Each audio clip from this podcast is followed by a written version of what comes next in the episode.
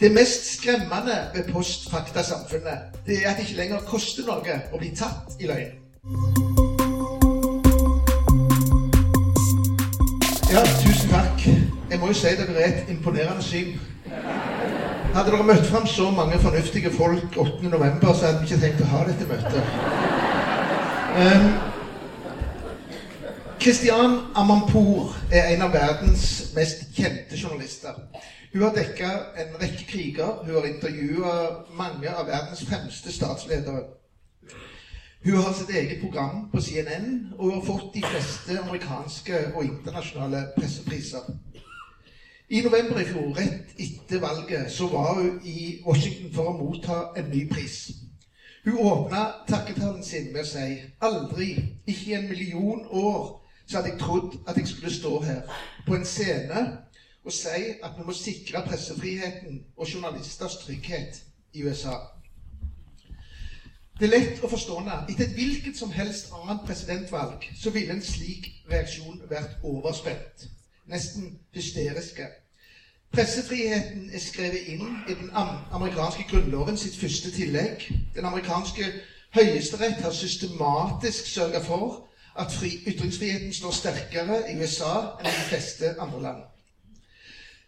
Men det som skjedde 8.11. i fjor, var ikke et hvilken som helst annet valg. I takketalen så konsentrerte Amanpour seg om dette temaet. Ikke se på det som har skjedd, som noe normalt. Ikke normaliser det uakseptable.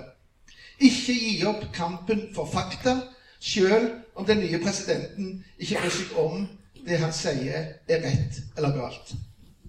Vi må være sannferdige ikke nøytrale, sa hun. Og vi må slutte å banalisere sannheten. Mye av dette høres antagelig fornuftig ut for norske ører. Men i amerikansk sammenheng så er det dramatisk når en journalist i et stort mediehus sier at idealet ikke er nøytralitet. I den boka om det digitale samfunnet og journalistikkens utvikling som jeg har skrevet sammen med kollega Halvor Hegtun i Aftenposten, så drøfter vi det gamle kravet om at journalistikken skal være objektiv og nøytral. Det fins mange definisjoner av journalistikk.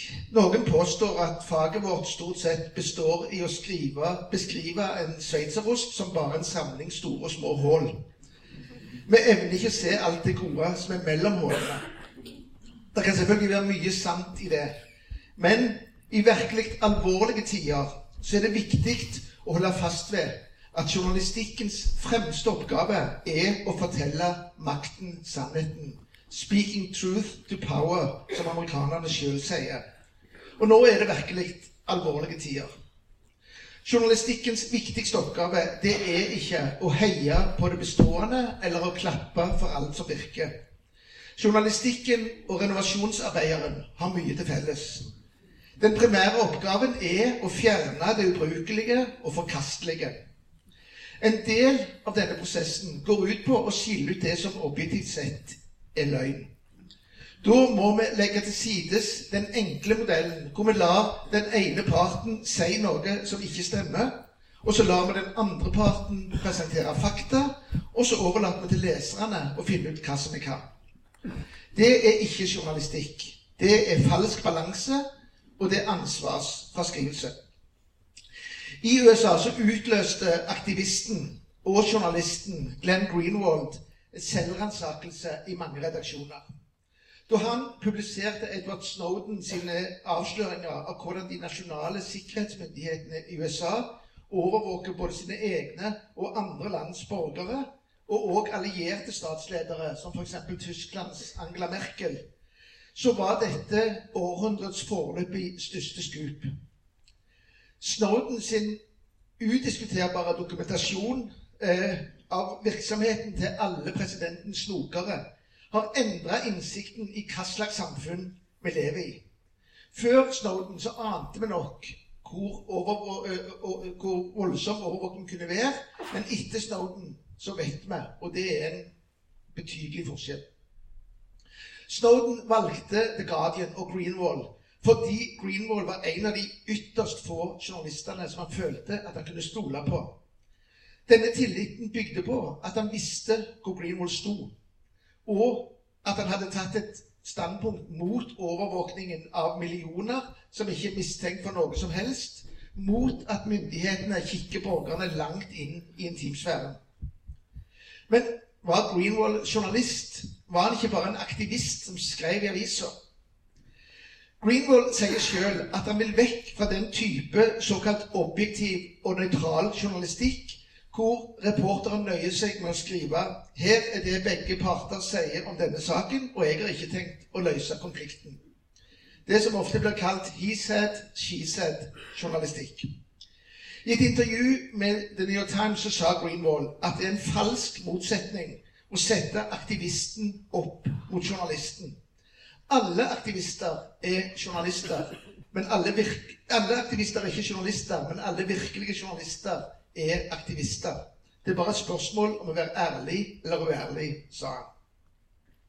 Jeg nevner dette som en innledning her fordi alle journalister som skal dekke Donald Trumps USA og Donald Trumps verden, er nødt til å innse at det gamle systemet med å gjengi begge parter i en konflikt på samme måte og med samme vektinga kan være et alvorlig brudd med journalistikkens første oppgave, nemlig å opplyse befolkningen. Hvis vi gir løgnen og sannheten samme verdi, så setter vi ikke borgerne i stand til å foreta de informerte valgene som er demokratiets mest grunnleggende forutsetning. I denne reorienteringa så får de amerikanske journalistene hjelp fra uventa hold. De hemmelige tjenestene FBI, CIA, Homeland Security og NSA har samla sagt at de mener at valgutvalget ble påvirka av russerne. Og at det skjedde for at Vladimir Putin skulle få den amerikanske presidenten som han ønska seg. Altså den som best vil tjene Russlands interesser. At en slik konklusjon fra de hemmelige tjenestene ikke vakler enda større oppsikt, det skyldes ganske enkelt at vi er ferdig sjokkerte.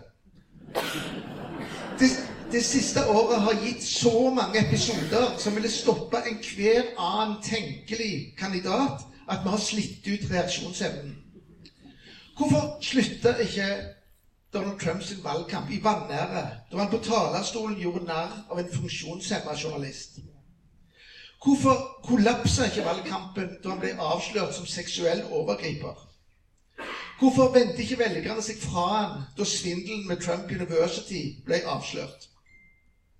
Det har skjedd så mye, og teflonlaget til Trump har vist seg å være så tjukt at heller ikke en melding om at, USA skal styres av en mann som kanskje er valgt med russisk hjelp, og som kanskje blir pressa av russerne med pinlige opplysninger, eller fordi han er økonomisk avhengig av dem, at ikke det er nok til å stoppe han.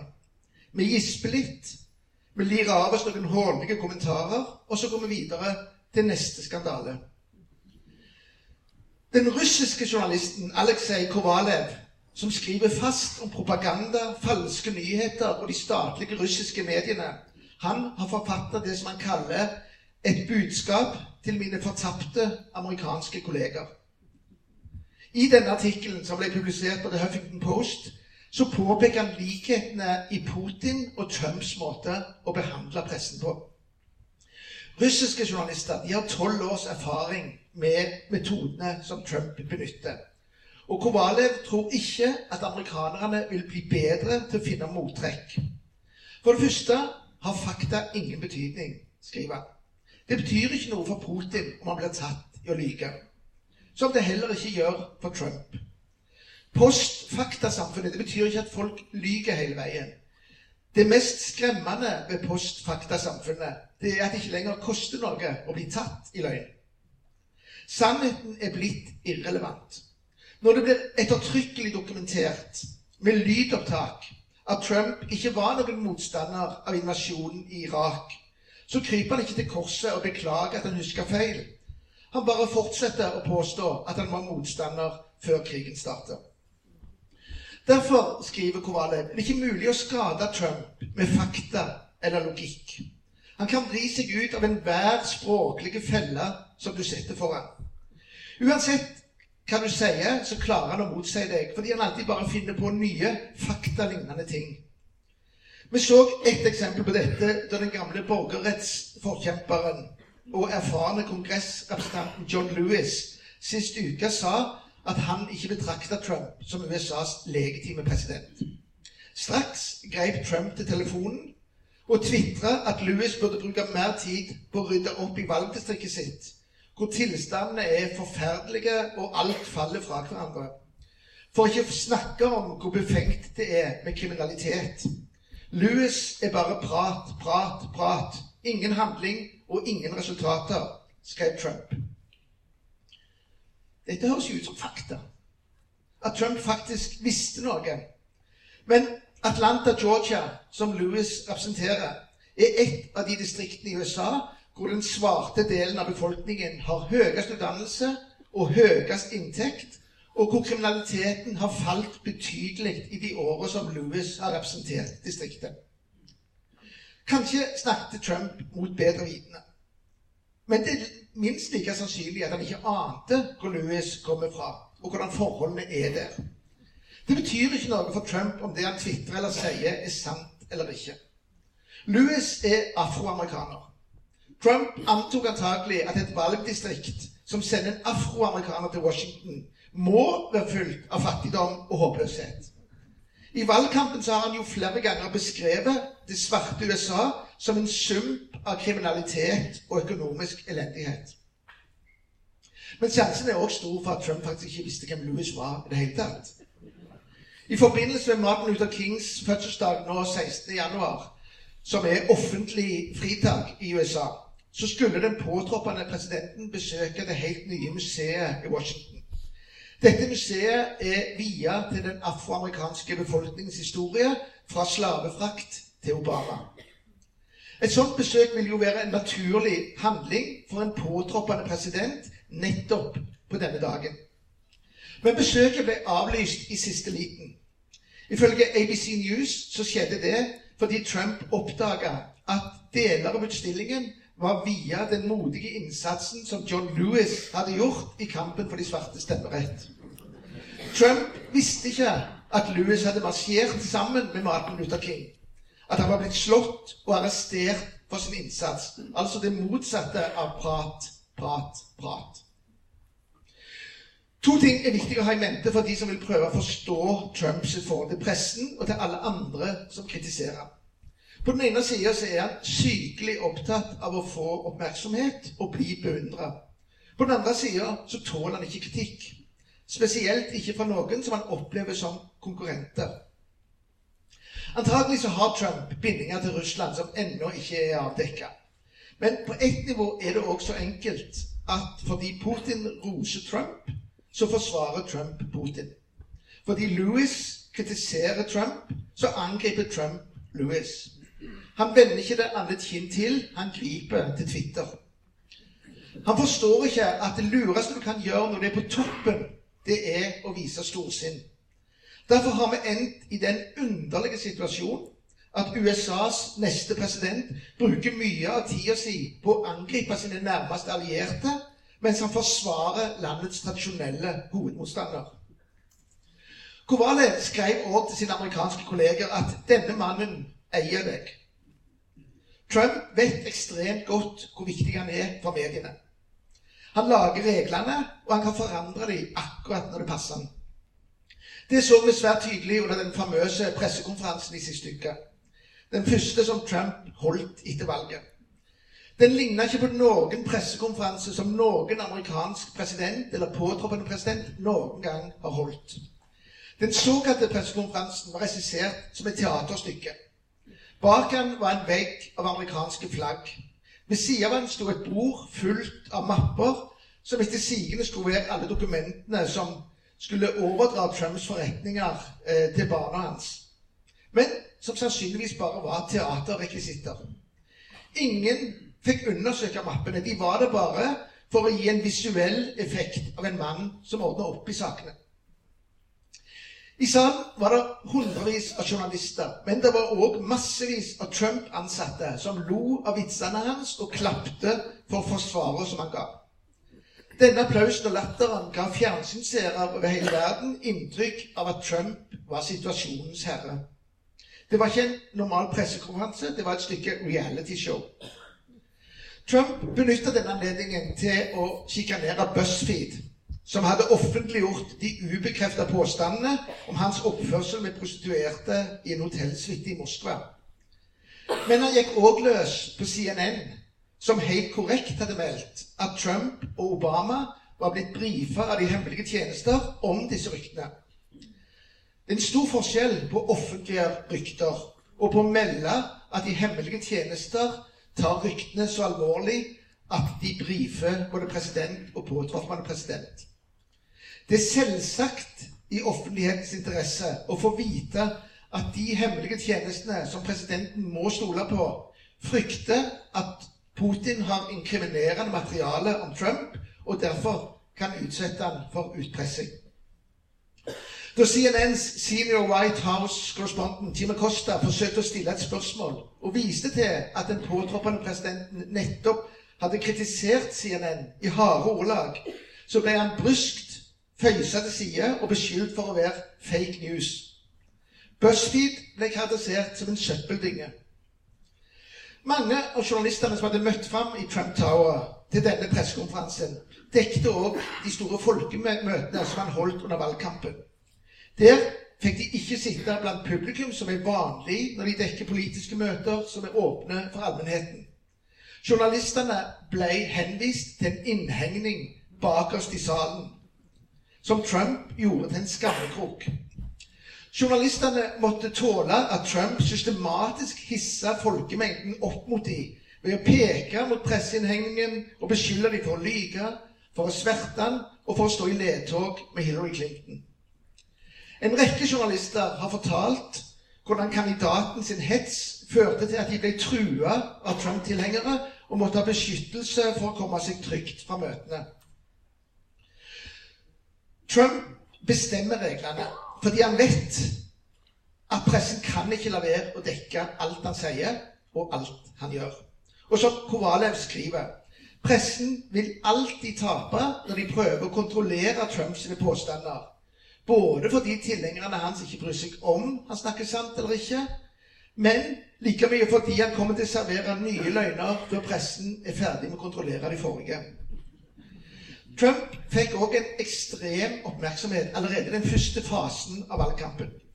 Sommeren 2015, eh, som virker fryktelig lenge siden nå, så satt jeg på et hotellrom i Orlando sammen med døtrene våre for å se den første TV-debatten mellom de republikanske presidentkandidatene.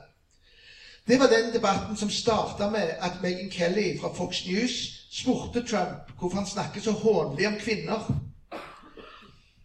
Vi syntes debatten var ganske underholdende. Og vi syntes det var utrolig at en mann med en så grumsete fortid, så usympatiske holdninger, så lite kunnskap og så lite innsikt i politikken, hadde kommet såpass langt at han fikk stå på scenen sammen med de seriøse kandidatene. Så humra vi litt og gjetta på at han ville være ute av racet i løpet av et par måneder. I stedet så viste det seg at omtrent det eneste som mediene rapporterte fra denne debatten, det var duellen mellom Trump og Kelly. Ikke minst så var de opptatt av Trumps påstander rett etter at sendingen var over, om at det var fordi at du menstruerte at du hadde vært så pågående. Vi visste det ikke da, men vi hadde altså sett et eksempel på hvordan journalistikkens fascinasjon for det aparte, det oppsiktsvekkende, kan suge all oksygen ut av en normal politisk prosess. Allerede i mars i fjor åtte måneder før valget så meldte The New York Times at Trump hadde fått fem ganger så, mange, så mye omtale i samtlige amerikanske medier som Hillary Clinton. Denne skjevheten varte gjennom hele valgkampen. Og den ble forsterket av at pressen, i det som må være tidenes eksempel på falsk balanse, gjorde Hillary Clinton sin bruk av en privat e-postserver til en minst like alvorlig sak som Trumps vedvarende usannheter hets av kvinner, svarte, meksikanere og en hvilken som helst annen gruppe som han oppfatta som motstandere. Hva ville skjedd om pressen i stedet hadde behandla Trump som det han var og er, nemlig en totalt ukvalifisert sjarlatan med et sykelig behov for oppmerksomhet. Hva hvis avisene hadde nøyd seg med å omtale han i sarkastiske sidespalter, og TV-selskapene hadde plassert han sist i sendingene sammen med de obligatoriske innslagene med søte katter og rare fisk. Sånne, sånne kontrafaktiske spekulasjoner som dette de kan selvfølgelig være interessante, men de fører jo aldri noe steds hen. For mediene gjorde det motsatte. Og det spilte ingen rolle om det var konservative eller liberale medier. Det var Trump først, Trump i midten og Trump til slutt. På et tidspunkt da det fortsatt var tre andre republikanske kandidater med i kampen, så målte forskere av University of Southern California valgdekningen i 14 av de største nyhetsnettstedene. De fant at Trump ble nevnt oftere enn de fem andre kandidatene til sammen. Og Det var altså både Clinton og Sanders, og det var republikanerne Cruz, Rubio og Kasich. Forklaringen er like enkel som den er deprimerende. Journalistikken søker avvikene. Det som bryter med normene, er det mest interessante. Mennesker som bryter ekstremt med normene, er derfor ekstremt interessante. Legg til den evige og helt universelle fascinasjonen for sex, og alle demninger brister. Når en presidentkandidat for det partiet som bedyrer at de forsvarer de konservative og kristne verdiene, skryter av at han angriper kvinner ved å grafse dem i skrittet, og sier at han spiser pastiller i tilfelle han kommer til å kaste seg over en kvinne for tvangskyssene, ja, da er du sjanseløs hvis du vil snakke om handelsavtaler, behov for å ruste opp infrastrukturen og diskutere minstelønnssatsene. Når den ene kandidaten er så ekstreme, så blir det ikke plass til de andre. Og dette er helt åpenbart journalistikkens bakside. At denne oppførselen til Trump klarte å dominere dekningen, var likevel bare én side av problemet. Den andre var at det tok altfor lang tid før de store redaksjonene oppdaget hva som skjedde, at Trump ikke var som andre politikere, og derfor måtte dekkes på en annen måte. Det gikk måneder før The New York Times vågte å kalle de utallige løgnene hans for løgner. Det måtte et elleve år gammelt opptak til før de store redaksjonene skrev det som både de og mange mange andre visste, og hadde visst lenge, at Donald Trump alltid har snakket om hvordan han trakasserer kvinner, både seksuelt og på andre måter. Hun er en feit gris. Det sa han om talkshow-programlederen Rosie O'Donnell. Hvem vil stemme på noen med et slikt ansikt? sa om Carly Fiorina, den eneste kvinnelige republikanske kandidaten. Jeff Jarvis er professor i journalistikk ved City University i New York og forfatter av bestselgere som boka 'What Would Google Do?' Han skriver at pressen ganske enkelt gikk seg vill i det gamle ønsket om å være balanserte. I et misforstått forsøk på å behandle de to kandidatene likt, så trakk de Clinton ned og løfta Trump opp, sånn at det så ut som de var jevnbyrdige, og at det var snakk om to kandidater på nesten samme nivå. Flere amerikanske redaksjoner de har grupper av medarbeidere som sjekker innholdet og eh, sannhetsgehalten i politiske uttalelser. Disse gruppene jobbet etter hvert under høytrykk. CNN innførte til og med øyeblikkelig faktakontroll. Når de overførte Trumps taler, så korrigerte de umiddelbart de feilaktige påstandene hans. I tekstfeltet nederst på skjermen så kunne det stå 'Trump calls Obama founder of ISIS'. Og så står det i parentes 'He's not'. Det var tapre forsøk på å realitetsorientere velgerne. Men det var nytteløst. Pressen var ikke sterk nok eller klok nok til å avverge katastrofen. Det er ingen overdrivelse å si at etter valget så er pressen i en slags sjokktilstand. Det er de jo ikke alene om, men her er det ikke en særlig trøst at òg alle andre er forvirra. Om et drøyt døgn så overtar Trump presidentvervet. Etter avlagt eden og forplikta seg til å opprettholde Grunnloven, så får han adgang til kodene som kan utløse atomkrig. Han får muligheten til å utstede presidentordrer. Han overtar som øverstkommanderende for verdens desidert største krigsmakt. Alt dette skal dekkes av en presse som han har lagt for hat. Hvordan skal pressen forholde seg til dette? Selv om de politiske motsetningene i USA alltid har vært store, og debatten kan være usedvanlig hard, så er respekten for presidentembetet grunnfesta òg hos journalistene. Når presidenten taler, så er journalistene vant med at de skal gjengi han så korrekt og så utendensiøst som mulig.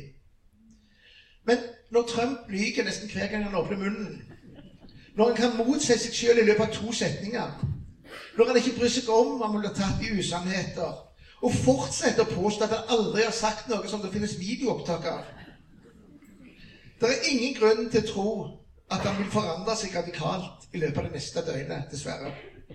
Vi går altså inn i en situasjon som er alt annet enn normal.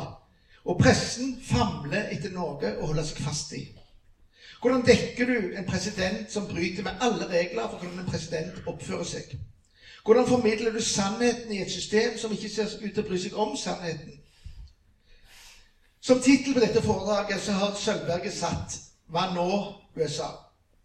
Det er et innmari godt spørsmål. Dessverre så kan jeg ikke gi noe godt svar. Det kan heller ikke The New York Times, Washington Post, Huffington Post, CNN, Fox eller for den saks skyld noen andre. Vi er i totalt ukjent terreng. I løpet av valgkampen og i perioden mellom valg og innsettelsen så har Trump gjentatte ganger fremma rene konspirasjonsteorier om at Obama grunnla IS, at Hillary Clinton planla å starte den tredje verdenskrig. Han har signalisert at han gjerne ypper til handelskrig og òg væpna konflikt med Kina. Han vil ødelegge USAs tette forbindelser med Mexico.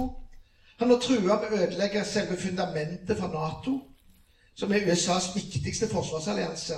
Og I et intervju med Bill-Sighter og britiske The Times sist helg så varsler han at han òg tror at EU vil falle fra hverandre, og at det i så fall er bra for USA. Dette er bare noen av de radikale ideene og uttalelsene hans på områder som resten av verden nå må forholde seg til. Kina må vite om de skal forberede seg på konflikt, og har allerede trua med å bruke atomvåpen hvis Trump gjør det han har trua med. Mexico må vite om økonomien deres vil bli revet i stykker, og har allerede trua med å stoppe samarbeidet om å stanse de voldelige narkokartellene. Dessuten har de trua med å støtte og kontrollere alle som vil fra Mellom-Amerika gjennom Mexico til USA. Samt selvfølgelig at de har nekta å betale for den muren som Trump vil bygge på grensen.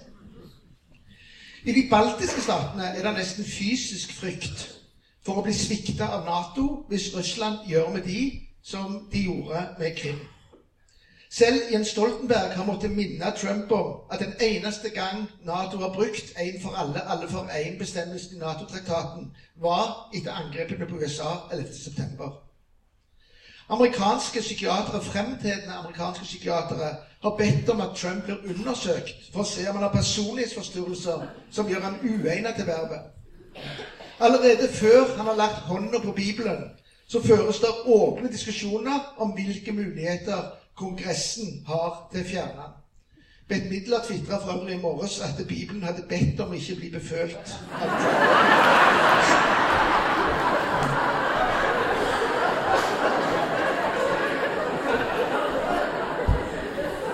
Skal Kongressen bruke systemet riksrett? Eller skal de bruke Grunnlovens 25. tillegg, som gir lederne i Kongressen og visepresidenten rett til å fjerne presidenten hvis han er ute av stand til å skjøtte sine plikter? Ingenting av dette er normalt. Det er ikke normale diskusjoner foran en innsettelse. Det finnes ingen tidligere erfaring som er relevant for det som nå skjer. Derfor er det ingen som kan gi noe godt svar på det enkle, men akk så viktige spørsmål hva nå løse. Optimistene, og de er det jo heldigvis en del av, de viser til at flere av statsrådene sender ut helt andre signaler enn den påtroppende presidenten. Både Rex Tillerson, som blir utenriksminister hvis Kongressen godkjenner ham, og James Mattis, som antagelig blir forsvarsminister, har definert Russland som en trussel mot USA. Men vi vet ikke om det er de eller Trump som til slutt kommer til å avgjøre hva USA gjør overfor Putin, Nato, Kina, Mexico, EU eller andre aktører på den internasjonale arena. Det vi kan gjøre, er selvfølgelig å undersøke hva har skjedd hittil. Hva har skjedd etter at Trump for to år siden bekjentgjorde at han ville stille til valg? Vi kan registrere hvordan han oppfører seg, hvem han omgir seg med, hvor pålitelige utsagnene hans er, Og hva som skjer fra dag én når han i morgen overtar og får makt til å endre både USA og verden. I disse prosessene så er vi mer avhengige enn noen gang av journalister med kompetanse, integritet, mot og utholdenhet. En av Trumps sterkeste støttespillere, Newt Gingrich, sa for en uke siden til Fox News at Trump burde stenge ned hele pressen. Jim Acosta fra CNN han burde få forbud mot å dekke Trump i to måneder. Trump burde stenge ute de store mediene fra pressekonferansene og heller fly inn vennlig sine reportere fra de delene av landet hvor han fikk flertall. Reportere som ville være høfligere og mer ansvarlige enn de som i dag utgjør pressekorpset i Det hvite hus. Trump trenger ikke betrakte The New York Times og CNN eller noen av de andre store mediene som nyhetsorganisasjoner, sa Gingrich. Han kan betrakte dem som propagandaorganisasjoner som han kan stenge ned. Vladimir Putin og Tyrkias president Recep Erdogan kunne ikke sagt det klarere. Vi lever i en tid hvor det ikke er forskjell på lederne i verdens førende demokrati og autoritære stater som Russland og Tyrkia. Jeg vet at dette høres mørkt ut, så kanskje vi skal tenne et lite lys. I løpet av de tre første ukene etter valget så fikk The New York Times til sammen 132 000 nye abonnenter på enten den digitale utgaven eller papiret. The Washington Post har varsla at i løpet av kort tid så vil de ansette 60 nye journalister. I tillegg så vil avisa opprette en egen utrykningsenhet av gravejournalister som raskt kan kaste, kaste seg over nye saker og skaffe fram dybdeinformasjon. Begge disse meldingene er helt oppsiktsvekkende etter noen år hvor Opplagskurvene òg for amerikanske aviser har sett ut som løypeprofilen i Kitzbühel. Redaksjonene er blitt beskåret til beinet. I den boka som nevnte hadde skrevet, så heter det siste kapittelet 'Enden er nær, håpet er nærmere'. Innledningsvis i dette kapittelet så skriver vi Egentlig så er det vel så enkelt som dette. Enten så er journalistikken helt nødvendig for at demokratiet skal fungere. Da må vi redde den, og det er ganske raskt. Eller så spiller det ingen rolle om journalistikken forsvinner. Da vil han heller ikke bli savna. I løpet av det siste året så tror jeg både amerikanerne og resten av verden har oppdaget at selv et av våre eldste, største og mest grunnfesta demokratier kan undergraves innenfra. Det har gått opp for folk riktig hvor alvorlig politikk kan være og hvor viktig det da er å få korrekt, uavhengig og pålitelig informasjon om det som skjer. Spaltene har selvfølgelig vært fulle av sjikaner og utblåsninger mot Trump. Nå er det den nøkterne og troverdige reportasjen vi må satse på. Etter 18 måneders valgkamp er det antagelig heller ikke flere skjellsord igjen. Trumps motstandere både i og utenfor pressen har støvsugd ordbøkene etter nye beskrivelser av en mann som åpenbart ikke er som de fleste andre. De har trykt intervjuene med Trump ord for ord for å vise at USA skal ledes av en mann som ikke kan sette to setninger etter hverandre og få dem til å henge sammen. Den taktikken har antagelig ikke ført til noe annet enn at USA er mer polarisert enn noensinne. Det har òg blitt tydelig hvordan de sosiale mediene skaper parallelle politiske universer. Ikke bare Facebook, Instagram og Twitter, men òg Google forsterker oppfatninger heller enn å endre dem. Både fake news og ekte nyheter er blitt grundig sortert, sånn at folk hele veien får forsterka meninger som de allerede har. For sju år siden så dekket jeg en stor demonstrasjon i Washington som var arrangert av høyresidas yndling Glenn Beck. 100 000 mennesker strømma til det mål mellom Lincoln-monumentet og Kongressen. De skulle gjenopprette nasjonens ære, sa de. Den var visstnok gått tapt da en svart mann ble valgt til president. Under denne demonstrasjonen så kom jeg i prat med et veldig hyggelig ektepar fra Tennessee. De fulgte Glenn Beck sine TV-sendinger hver ettermiddag. Nå var de for første gang i Washington for å demonstrere sin motstand mot utglidningen i det samfunnet som de var glade i. Siden den gang har jeg holdt god Facebook-kontakt med Rosie, som den kvinnelige delen av dette paret heter. Hun er ei frisk dame som elsker amerikansk fotball og aking. Og da er hun sjøl som aker. Hun er vennlig, hun er oppmerksom, og hun er opptatt av politikk. Jeg spurte henne for et par uker siden hva hun tenkte om valgresultatet. Og svaret hun ga, er ganske talende. Så langt er vi fornøyd med hans valg av regjeringsmedlemmer. Vi stemte på han men det var mest en stemme mot Hillary. Det var det underligste og villeste valget i amerikansk historie. Vi mener at Obama har gjort mer galt enn godt i de årene, åtte årene han har styrt. Det var aldri meningen at denne nasjonen skulle være et demokrati. Det skulle være en republikk. Jeg tror vi har en humpete vei foran oss. Men i det lange løp så vil Trump og de konservative være bedre for nasjonen enn de progressive Venstresida vil kalle meg naiv eller bare dum, men dette er min dypfølte overbevisning. Det hjelper ingenting å kalle Rosie og de 62 millioner andre som stemte på Trump, for dumme.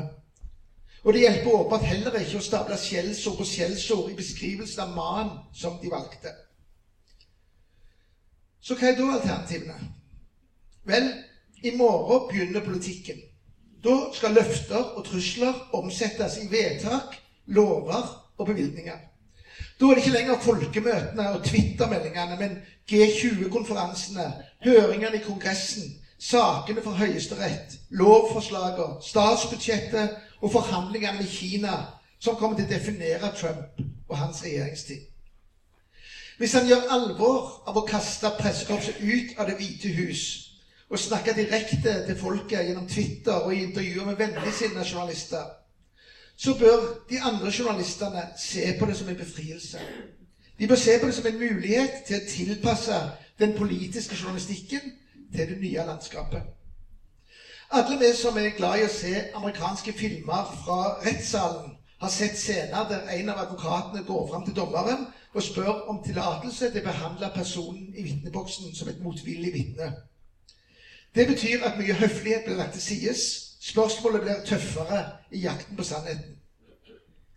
Forakten som den innkommende administrasjonen føler for journalistikkens grunnleggende funksjon, bør ikke føre til at pressen trekker seg unna, men til at han går hardere på. Journalistene kommer ikke til å mangle vinkler eller kilder som er villige til å lekke opplysninger. Trump har utnevnt den absolutt rikeste regjeringen i historien. Flere redaksjoner, inklusive Wall Street Journal, har allerede etablert team som graver i alle de potensielle habilitetskonfliktene som milliardærene tar med seg inn i statsrådskontorene. Hvis det republikanske flertallet i Kongressen ikke forsvarer kravet om at de som leder landet, skal være ukorrupte, så vil de stå laglig til ved mellomvalget om to år. Da kan det bli demokratene som går til valg med løfter om å drenere sumpen i hovedstaden. Hvis reporterne ikke lenger får slippe inn i Det hvite hus, så kan de spre seg på alle de statlige institusjonene i Washington. I likhet med tidligere presidenter så kan Trump utnevne ca. 4000 ledere i det føderale byråkratiet.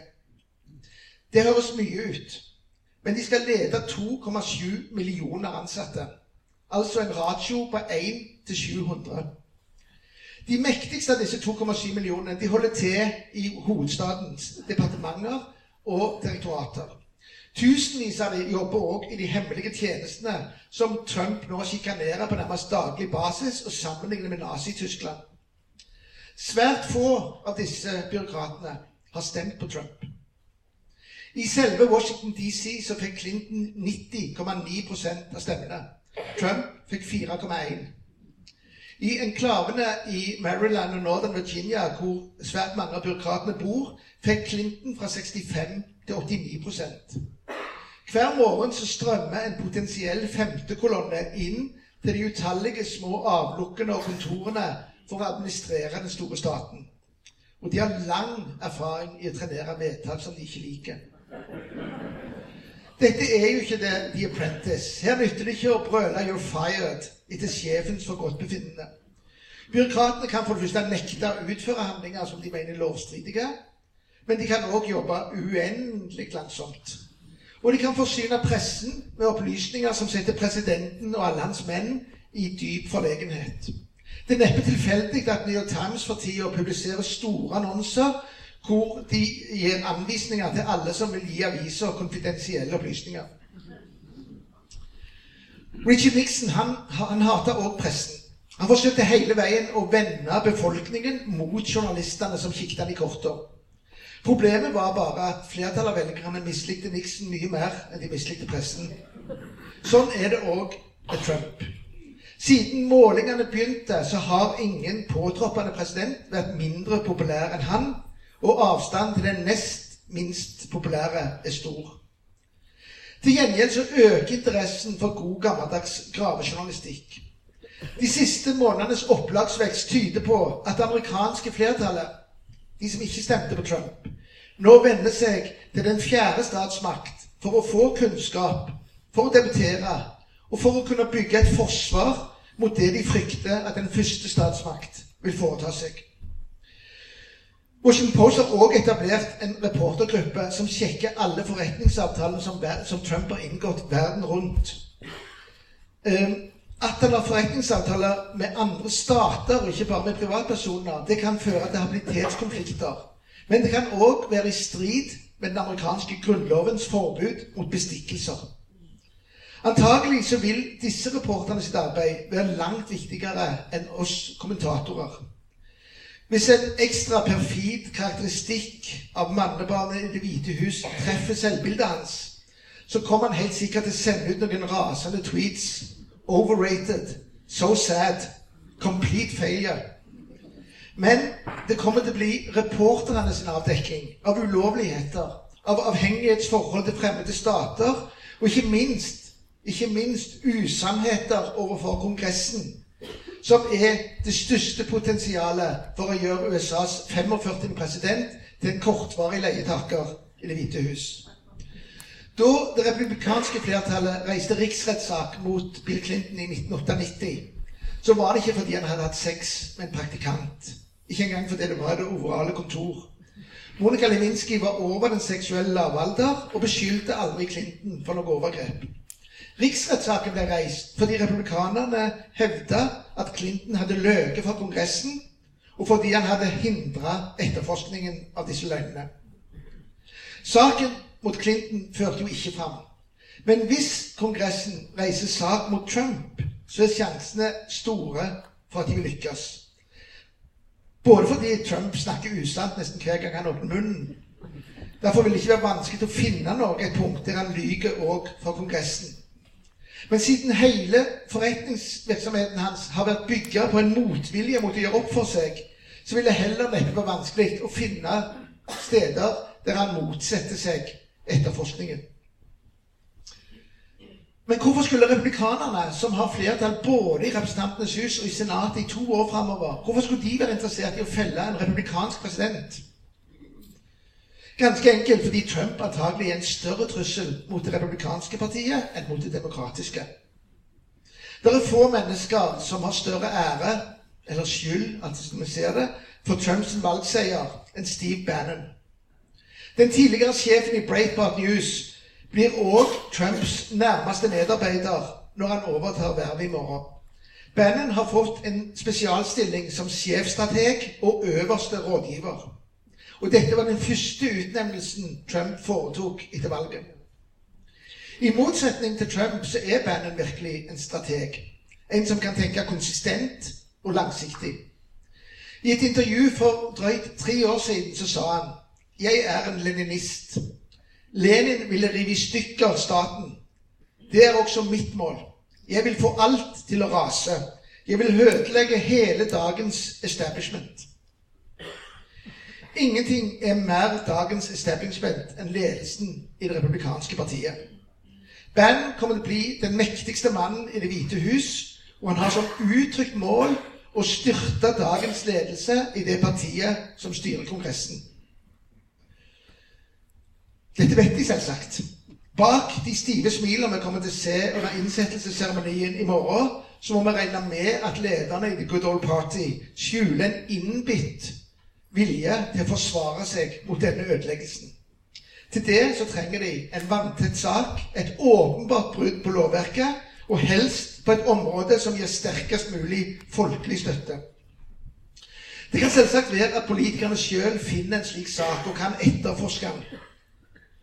Eh, men sjansene for at det er den pressen som Trump forakter, som kanskje fører til at han blir forkasta ut av Det hvite hus Kanskje at det er den som kommer til å etterforske og legge fram bevisene som feller Trump. Den sjansen er temmelig stor. Da CNN publiserte den sensasjonelle meldingen om at USAs egne hemmelige tjenester til sammen samla mener at de har bevis for at Russland har påvirka valgresultatet i Trumps favør, så var saken på CNN utstyrt med byline til fire reportere. En av dem var Carl Bernstein. Mange av dere vil huske dette navnet. Sammen med Bob Woodward så sto han for 45 år siden bak avsløringen av Watergate-skandalen som felte Nixon. Karl Marx sa en gang at historien gjentar seg. Første gang som tragedie, andre gang som farse. Hva nå, USA? spør Sundberget. Jeg har ikke noe annet svar enn at jeg tror at vi er kommet til tragedien, og at den starter i morgen. Takk for oppmerksomheten.